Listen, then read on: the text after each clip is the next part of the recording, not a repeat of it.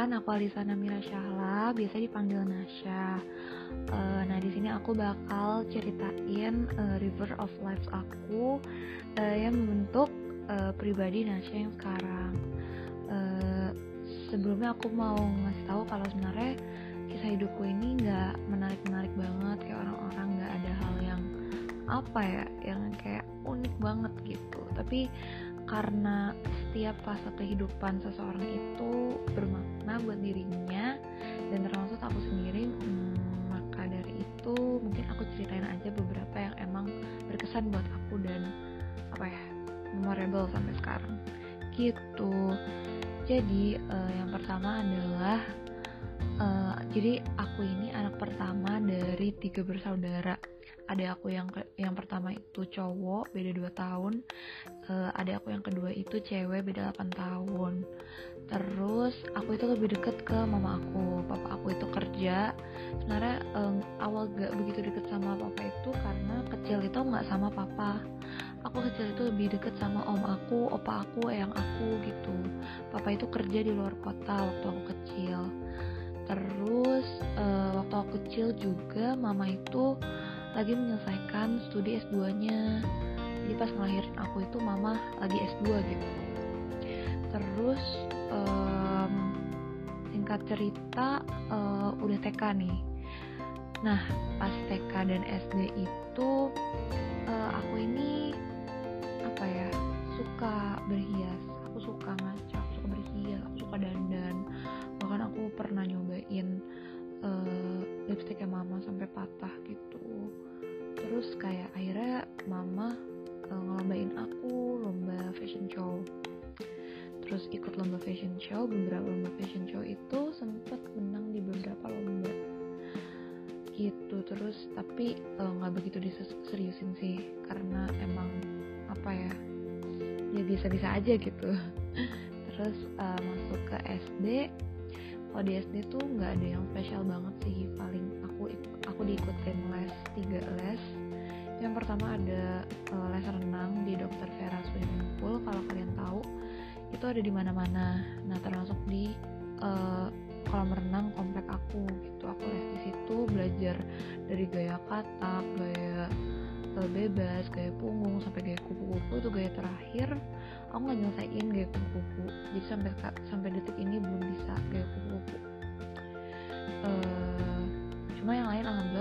lancar ya. Dan, uh, aku tuh menjadikan berenang itu sebagai hobi aku gitu sampai sekarang. Terus uh, les yang kedua itu kumon. Aku les matematika. Itu dari kelas 4 sampai SMP uh, aku gimana ya? Waktu itu les kumon itu karena nggak tahu sih aku jujur orangnya kayak ya udah iya iya aja ayo les. Eh, kalau misalnya ditawarin les ya udah ayo gitu. Ya udah aku nyel nyelesain nyelesain aja nggak ada yang memorable banget sih. Paling kayak stres gitu kalau misalnya tugas kumon nggak selesai selesai jadi kalau di kumon tuh kan tugas kita di sana tuh harus selesai harus bener gitu baru kita boleh pulang. Itu kalau misalnya soalnya lebih susah tuh aku suka stres sendiri gitu ya Allah. Ini kapan kelarnya gitu padahal sebenarnya kumon tuh cuma dua rumah dari rumah aku. Jadi kayak kumon iya benar-benar kayak cuma jalan doang ke kumon gitu. Terus yang ya aku les vokal karena dari dulu tuh aku suka nyanyi kalau di acara-acara keluarga. Jadi aku kan orang Padang dan orang Padang itu uh, punya arisan. Aku nggak tahu sih semua orang Padang kayak gini atau enggak cuma keluarga aku kayak gini. Jadi kita punya arisan tiap tiga bulanan atau enam bulanan namanya silayang nah tiap silayang itu semua keluarga besar ngumpul terus kayak kita ntar nyanyi nyanyi gitu. Terus ngeliat kayak wah ini anak seneng nyanyi gitu. Akhirnya dilesin lah ke les vokal. Nah di les vokal itu aku sempet konser. Iyalah pasti konser. Kita berkali-kali konser. Karena konser itu yang uh, apa ya yang sebagai pembuktian uh, kualitas uh, atau skill vokal kita gitu. Nah di konser pertama itu aku nyanyi harusnya aku nyanyi lagu Edelweiss di Detos konsernya. Tapi aku udah dateng, tapi aku bener-bener nggak berani. Aku bener-bener gak berani konser sampai aku hampir nangis sampai aku bilang gak aku nggak mau konser gitu. Udah dateng, udah siap kayak udah rombongan gitu. terus akhirnya ya udahlah nggak jadi konsernya di cancel ditunda uh, ke beberapa bulan kemudian gitu terus akhirnya aku beneran di situ aku uh, nyanyi gitu walaupun deg-degan banget bener-bener super deg-degan gitu aku dulu setakut itu mungkin sampai sekarang sih kalau ketakutan ketakutan gitu terus kalau mungkin apa ya hubungan aku dengan adik-adik aku kali ya. Jadi aku ini uh, kan aku anak pertama. Uh, kebetulan dua adik aku ini uh, tipe yang gak mau kalah tipe yang keras kepala tipe yang mau menang gitu. Dan aku sangat berkebalikan. Aku ini orang uh, kata mamaku kakak yang sangat baik. Kakak yang ngalah kakak yang ya udah ngasih aja ke adiknya ya udah gitu. Dan itu tuh bawa sampai sekarang gitu. Aku orangnya apa ya aku sekarang jadi orang yang tidak kompetitif gitu. Sampai orang tuh bingung gitu kayak kok Nasya tuh nyantai banget orangnya? Aku tuh bener-bener nyantai kayak ya udah bawa santai aja gitu.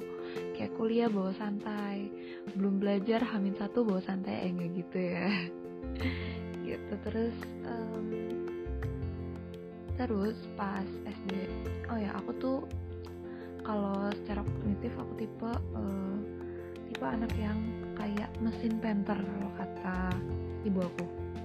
Jadi aku harus panas dulu supaya bisa melejit supaya bisa uh, bagus gitu nilai-nilainya.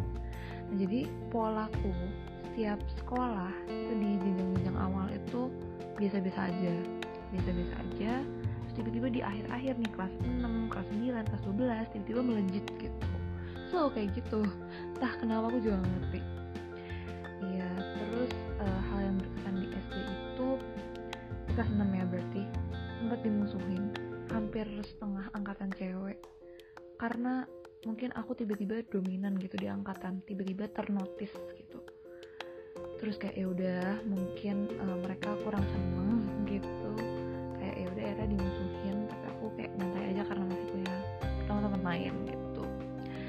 ke SMP di SMP ini uh, aku di kelas 7 juga sempet dimusuhin. Jujur uh, kalau dimusuhin yang di kelas 7 ini agak traumatis sampai sekarang. Jadi aku kayak uh, menjadikan diriku jadi kurang terbuka gitu loh sama orang baru. Jadi tidak welcome tidak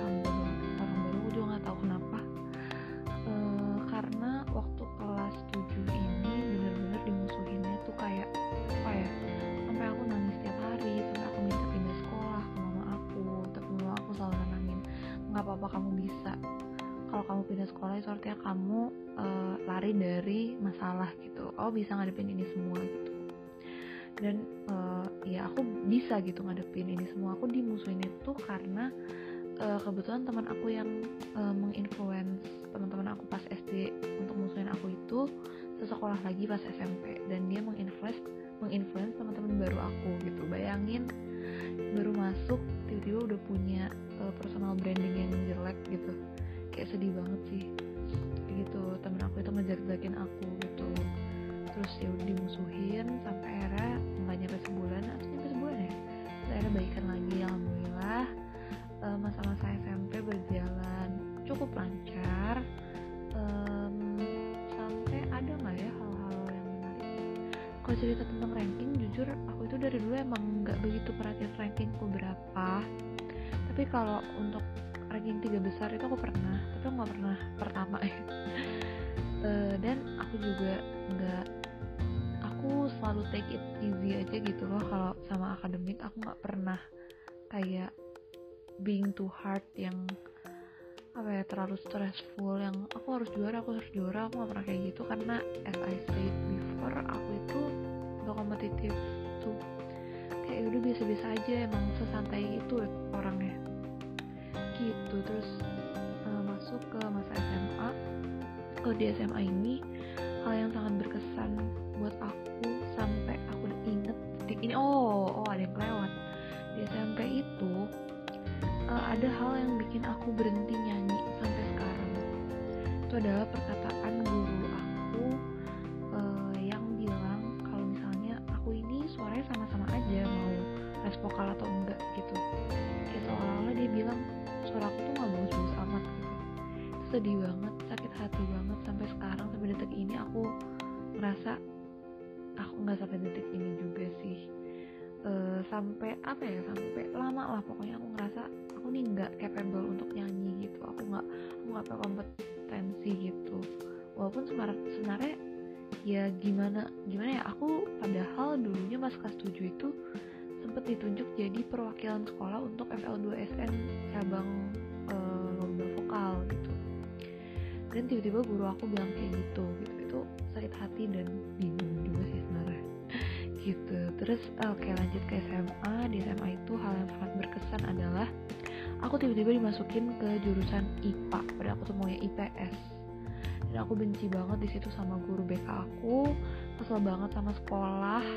Aku sempet nangis banget pas lihat pengumumannya. Kayak ya Allah nggak sanggup banget ini. Gimana gue menjalani 2 tahun SMA gue gitu akhirnya aku melampiaskan kekesalan itu dengan main-main. Aku bener-bener jadi anak bandel. Kayak ya apa ya?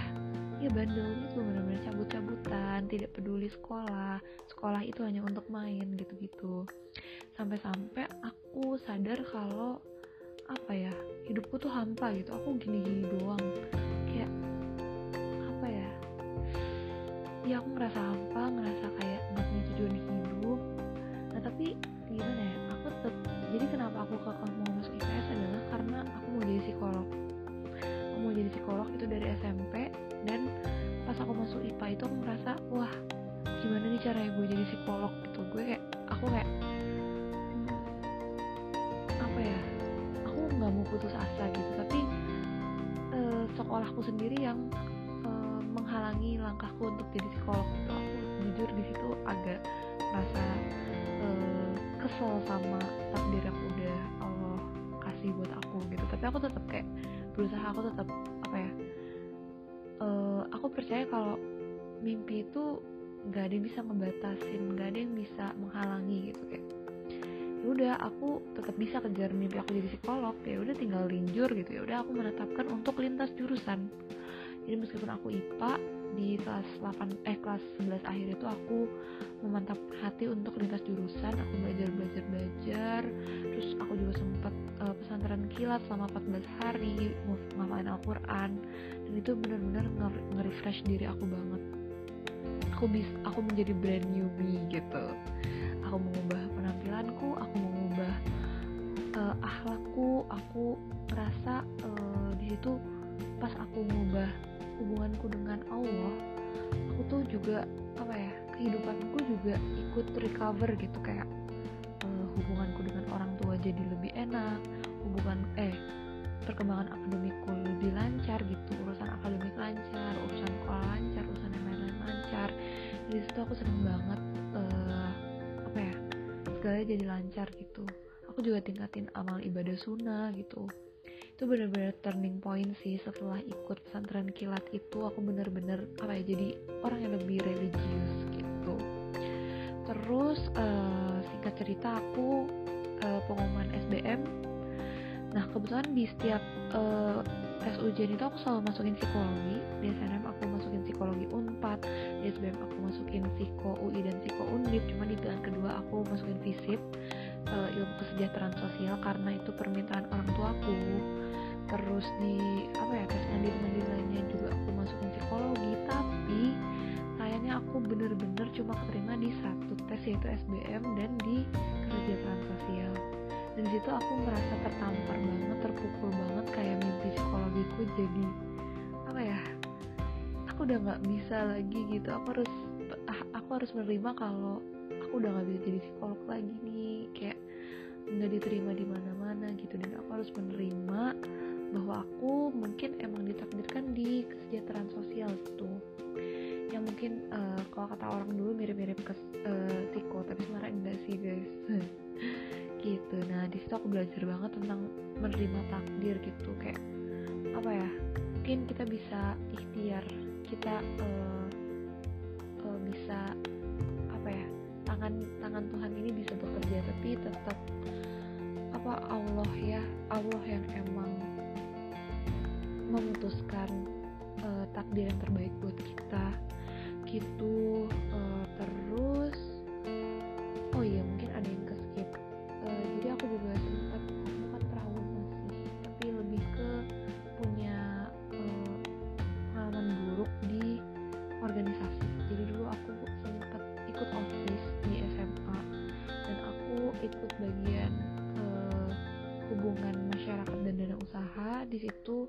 aku dipercaya uh, untuk jadi uh, PJ uh, kayak semacam pensi gitu PJ dana usaha pensi yang mana aku bahkan clueless banget gitu sama dunia dana usaha.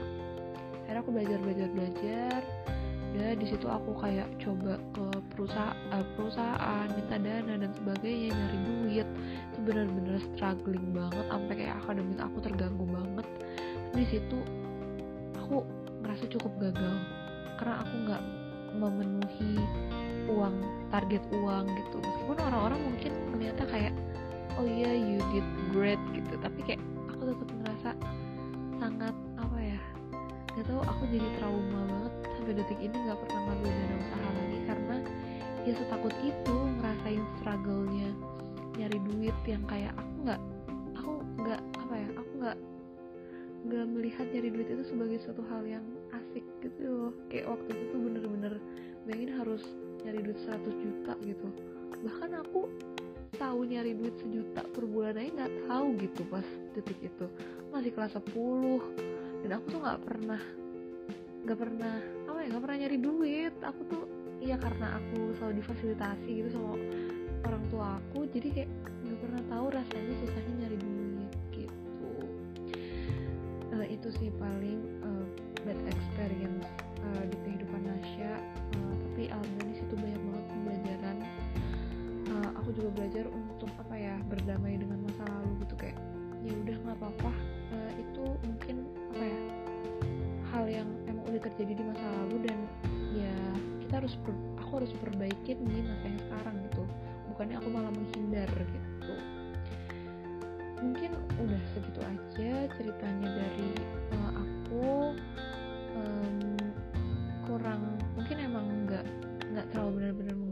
menggambarkan diri Nasya di masa lalu tapi setidaknya itu kejadian-kejadian yang penting di masa lalu yang membentuk Nasya uh, saat ini. Gitu.